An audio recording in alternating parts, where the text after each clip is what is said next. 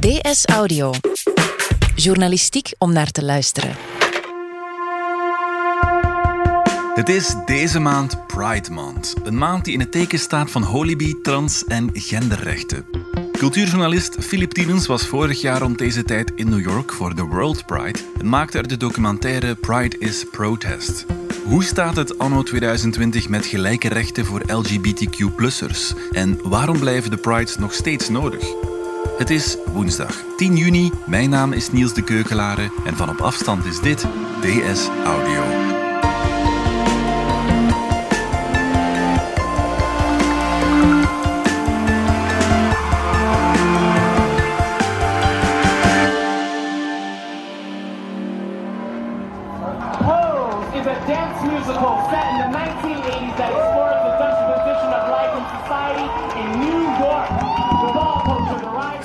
Nog lang voor er sprake was van COVID-19 was jij in New York, de bakermat van de LGBTQ-beweging.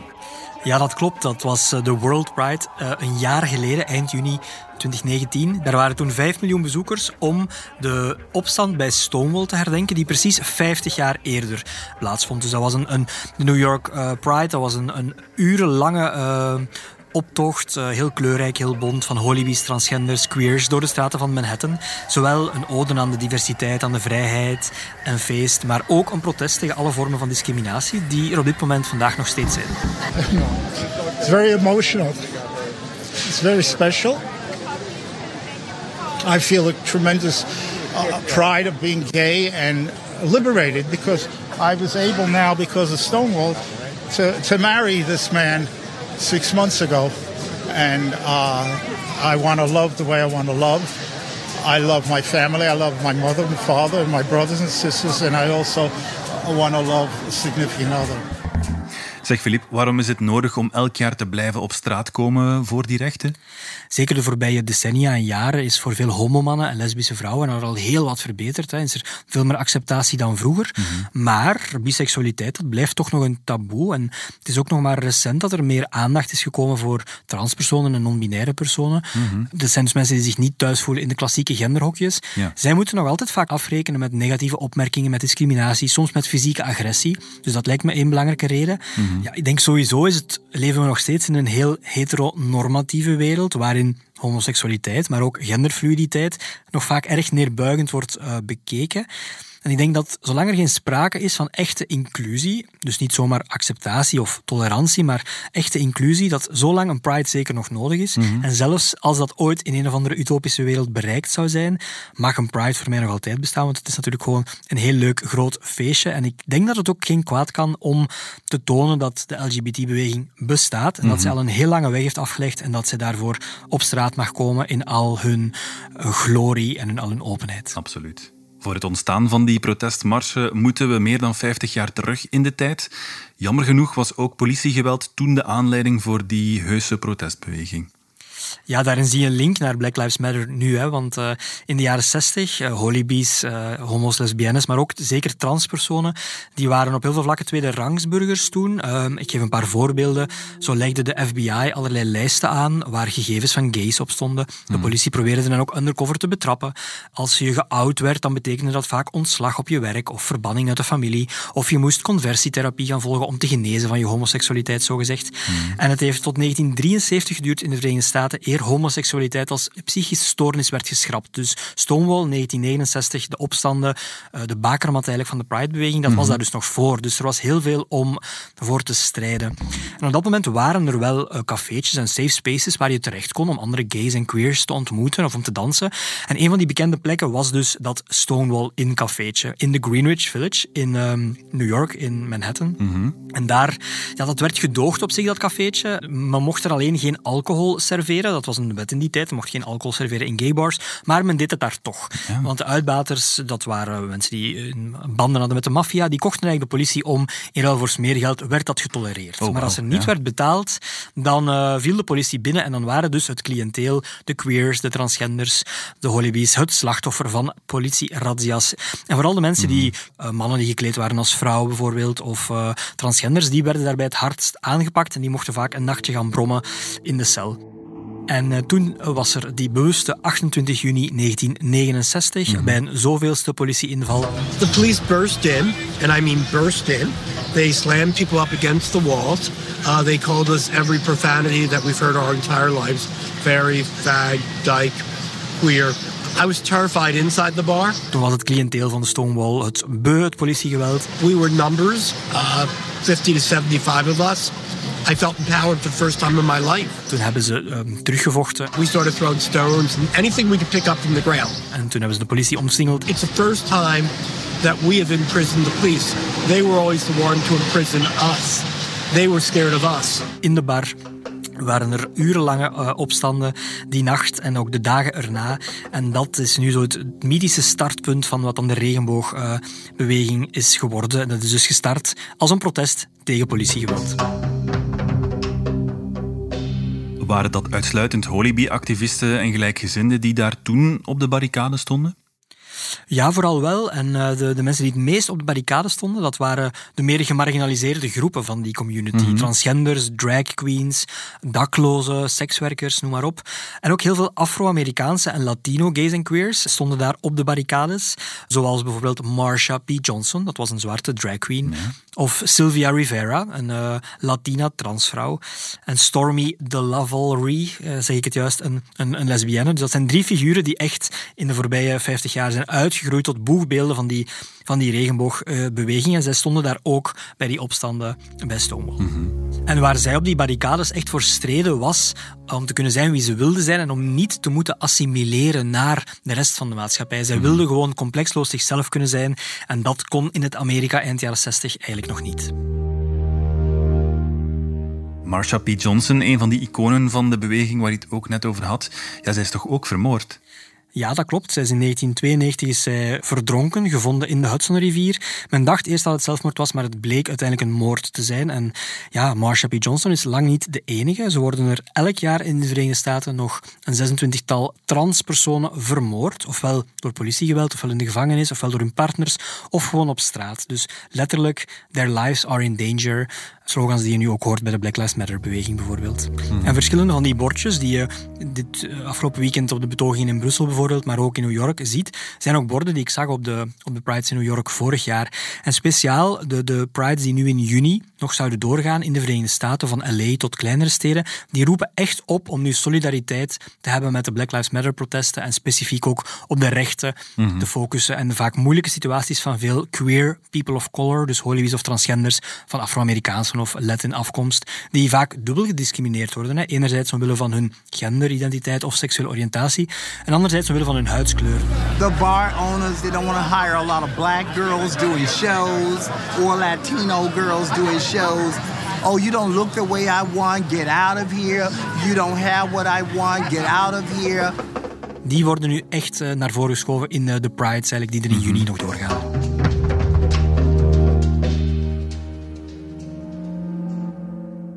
En op de eerste verjaardag van de herdenking van Stonewall, van die protesten in juni 1970, vond de allereerste Pride ooit plaats in New York. Dat is dus precies 50 jaar geleden. Ja, dat is toch een heugelijke verjaardag eigenlijk. Mm -hmm. Jammer dat natuurlijk door corona nu die grote manifestaties, laat staan tot 5 miljoen mensen in New York, eh, niet, niet heeft kunnen doorgaan. Maar die eerste Prides, ja, die begonnen wel kleinschalig. Dus een jaar na de Stonewall-opstanden waren er een paar honderd mensen die New York door de straten liepen. En dat werd heel positief ontvangen. En op datzelfde moment waren er ook prides in Chicago, in Los Angeles, in San Francisco. Er was eigenlijk geen houden meer aan op dat mm -hmm. moment. De gays waren uh, out of the closets, into the streets, zo, ja. zo scandeerden ze. En een jaar daarna waren er ook prides in Londen, in Parijs, in West-Berlijn, in Stockholm. En werd het ook een soort Europees uh, gebeuren. Ja, wanneer was de eerste pride in België? Voor de eerste Belgische homodag moeten we wachten tot 1978, zo okay, heette dat toen nog. Mm -hmm. En een echte jaarlijkse optocht door Brussel die kwam er pas vanaf 1996. Dus dit jaar zou het de 25e Belgian Pride geweest zijn. Mm -hmm. Dat kan dus ook helaas niet, niet doorgaan dit kalenderjaar. Mm -hmm. Ja, we zijn nu 50 jaar na die eerste protesten die intussen uitgegroeid zijn tot prides over heel de wereld. Het is misschien goed om de balans eens op te maken. Hoe doet België het anno 2020 op vlak van holibi en genderrechten? Eigenlijk heel goed. Ons land staat op de tweede plaats in wat de Rainbow Alliance Index heet. Dat is een soort Europese ranglijst. Mm -hmm. En daar moet België alleen Malta laten voorafgaan. En die goede plaats hebben wij te danken aan een aantal belangrijke verwezenlijkingen van de voorbije jaren, zoals natuurlijk het homohuwelijk, het recht op adoptie door holibies, eh, een transgenderwet en ook een antidiscriminatiewet die homo- en transfobie opneemt eigenlijk als bezwarende omstandigheid. Mhm, ja. Dus de voorbije tien jaar eh, is er ook op vlak van visibiliteit een enorme sprong genomen. Ik denk aan alles wat je ziet op televisie, media, series, films, noem maar op. Er wordt veel positiever bericht over gays en queers en er zijn ook veel meer rolmodellen dan enkele jaren geleden. Ja, ja, ja. In vergelijking met toen ik tiener was bijvoorbeeld. Dus dat zijn allemaal positieve dingen. Ja, alleen maar goed nieuws dus uit eh, België. Dat lijkt me misschien toch net iets te veel gezegd, want natuurlijk heb je die gelijke rechten op papier, maar dat is niet hetzelfde als gelijke kansen in de praktijk. Hè. Zo is er nog steeds heel veel homofobie en soms zelfs gaybashing op, op straat. Eh, er is ook heel veel online haatspraak gericht eh, tegen gays en queers enzovoort. Zo heeft Unia bijvoorbeeld vorig jaar 38% meer dossiers geopend naar aanleiding van discriminatie tegen LGBT-mensen dan in de vijf jaar ervoor. Dus het wordt ook meer gerapporteerd misschien, maar misschien is het ook toegenomen. En onlangs was er nog een onderzoek, ehm, Niels, ook wel heel interessant, dat twee derde van alle homo's en lesbiennes niet hand in hand durft te lopen met eh, zijn of haar lief op straat.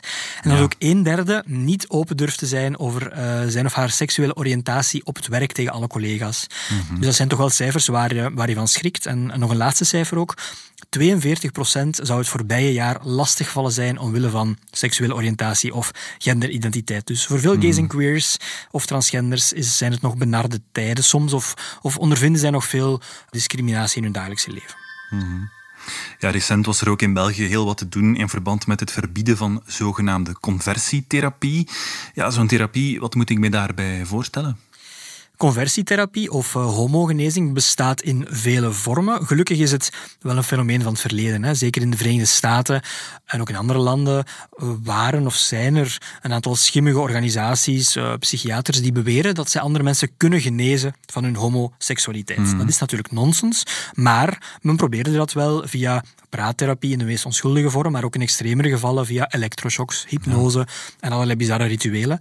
Zo is er uh, vorig jaar een, een, reportage op de Nederlandse televisie geweest, een documentaire die veel stof deed opwaaien, waarin een meisje getuigde hoe zij jarenlang in haar gereformeerde geloofsgemeenschap werd verplicht om zo'n, om zo'n therapie te volgen. En dat heeft haar in een diepe depressie doen belanden. Mm. Dus zo homogenezing, ja, dat kan leiden tot heel veel trauma's.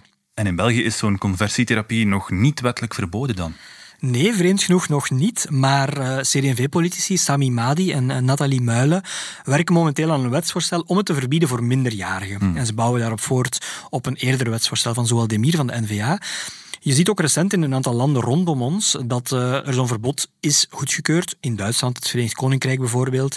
Maar ik heb even ook onderzoek gedaan of dat, dat nu een praktijk is die in België nog vaak voorkomt. En dat blijkt toch moeilijk te staven. Er is ook geen onderzoek naar. Mm-hmm. Als het al gebeurt, is het eerder underground en is het, uh, mag het het daglicht niet, niet zien. Er zijn geen cijfers bekend. Maar ik hoor toch dat het zich in verschillende geloofsgemeenschappen zou afspelen nog. Uh, maar ja, het is een zeer marginaal fenomeen, gelukkig maar, of ik hoop het alleszins. Bij bepaalde extreme geloofsovertuigingen zou het nog een praktijk zijn uh, mm. waar je je zoon of dochter die homo of lesbienne is, stuurt naar zo'n genezer in de hoop dat hij hem of haar kan genezen van zijn of haar homoseksualiteit. Mm-hmm.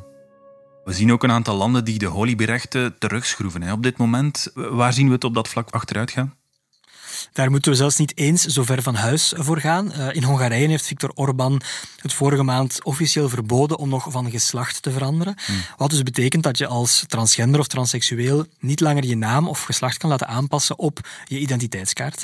En het uh, problematische natuurlijk daarbij is ook dat Orbán die wet er snel snel heeft doorgejaagd uh, met de bijzondere volmacht waarmee hij nu regeert in de coronacrisis. Dus dat baart Europa toch wel zorgen. Mm-hmm. Maar ook in Polen, misschien nog dichterbij, gaat het niet zo goed. Daar is al een derde van het grondgebied uitgeroepen tot LGBT-vrije zone. Zogenaamd vrij van LGBT-ideologie noemt men het daar. Want die ziet men als moreel verderfelijk en in strijd met de traditionele Poolse familiewaarden.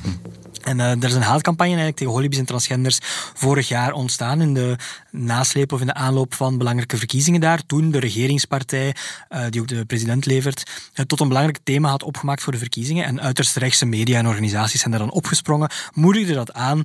En zo gebeurt het dus dat prides in uh, bepaalde delen van Polen niet kunnen doorgaan, omdat er extreemrechtse knokploegen LGBT-organisaties aanvallen. En in die Rainbow Alliance Index, waar dus België op de tweede plaats staat, die Europese ranglijst van landen die goed scoren op LGBT-rechten, uh, bengelt Polen eigenlijk uh, onderaan. Het is het slecht scorende land uit de Europese Unie op het vlak van LGBT-rechten. Ja. Wordt er vanuit Europa dan op een of andere manier druk gezet om dat toch wat te doen keren, ja, die negatieve golf, zeg maar?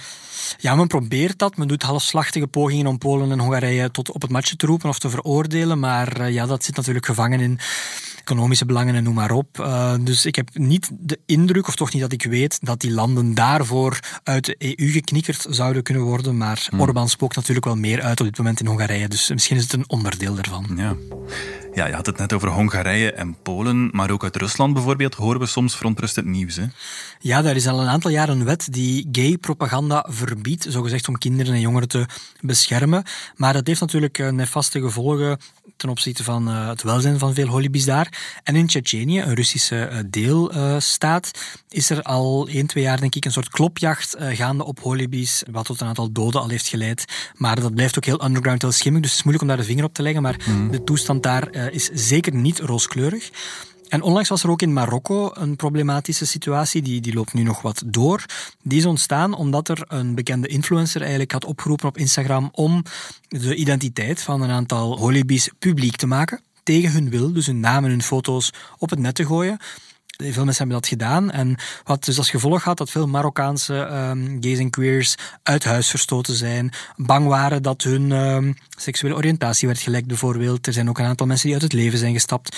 Heel zorgwekkende feiten. Maar tegelijk zag je daar ook weer iets moois ontstaan. Er, er is een soort queer uh, revolution Marokko ontstaan, zowel in Marokko als vanuit de diaspora uit andere landen. Er is toch een soort golf van internationale solidariteit die dat veroordeeld heeft en die ook oproept om holibies en transgenders in Marokko een volwaardige plaats in de samenleving te geven. Mm -hmm.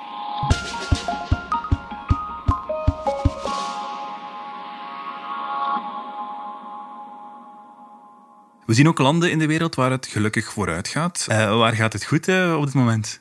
Ja, onlangs was er het uh, heugelijke nieuws dat in Costa Rica het homohuwelijk werd toegestaan als eerste Centraal-Amerikaanse land en als het 29e land ter wereld. Mm -hmm. Vorig jaar liet ook Taiwan het homohuwelijk toe als eerste land in Azië. En uh, ook in Noord-Ierland uh, is er een legalisatie gekomen. En dus nu kunnen holibies in heel het Verenigd Koninkrijk ook trouwen. Dus dat is goed nieuws. Ja. Uh, ander goed nieuws vonden we bijvoorbeeld in India. Toch een land met meer dan 1 miljard inwoners. Dus een beslissing heeft daar een grote impact op veel mensen. Daar is homoseksualiteit sinds 2018 niet langer strafbaar. Wat het in de 165 jaar daarvoor wel was. Ja, ja. Ook Botswana, als een van de weinige Afrikaanse landen, heeft recent homoseksualiteit eigenlijk uit het strafrecht mm -hmm. gehaald. Dat zijn toch mooie, mooie voorbeelden. Helaas laat ook het welzijn van veel holibies en transpersonen toch nog te wensen over. Uh, uit onderzoek blijkt dat er uh, veel meer depressies en suïcidegedachten voorkomen bij holibies en transgenders dan de rest van de bevolking. Mm -hmm. En ook de lockdown bleek uh, toch niet al te gemakkelijk voor veel gays en queers. Uh, vaak omdat zij ofwel terug bij hun ouders uh, zijn moeten gaan wonen of hun chosen family, de vrienden die ze hebben, de andere gays en queers niet konden zien. Mm -hmm. En dus de gevoelens van eenzaamheid, van depressie namen toe, zo bleek. En zo kreeg Lumi, dat is de opvolger van de Holibifoon, tussen maart en mei dit jaar liefst 65% meer oproepen van holibies en transpersonen mm -hmm. die zich eenzaam voelden, angstig voelden, depressief voelden dan anders. Dus dat zijn toch ook hoge cijfers. Ja, ja. De docu Pride is Protest die je maakte met Marieke Dermul. Waar kunnen we die bekijken als we die willen zien? Op VRT Nu kan je die documentaire van 25 minuten nog uh, bekijken over uh, onze avonturen in New York op de Pride vorig jaar, op die World Pride. En je kan ook naar onze website uh, prideiprotest.com surfen voor foto's, achtergrondverhalen en allerlei achter de schermen filmpjes. Oké, okay, perfect. Filip Tielens, dankjewel. Graag gedaan. Dit was DS Audio. Wil je reageren? Dat kan via dsaudio.standaard.be. In deze aflevering hoorde je Filip Tielens en mezelf Niels de Keuklare. Redactie gebeurde door mezelf, de eindredactie door Anna Korterink. Brecht Plasgaard deed de audioproductie en schreef de muziek die je hoorde in deze podcast. De extra geluidsfragmenten die je hoorde kwamen uit de documentaire Pride is Protest en Reuters. Vond je deze podcast interessant? Weet dan dat je er elke werkdag één kunt beluisteren. Dat kan via de DS Nieuws app of via standaard.be-audio. Je kunt je ook abonneren via iTunes, Spotify of de podcast app van je keuze. En als je daar dan toch bent, schrijf gerust een review. Zo toon je ook anderen de weg. Morgen zijn we er opnieuw.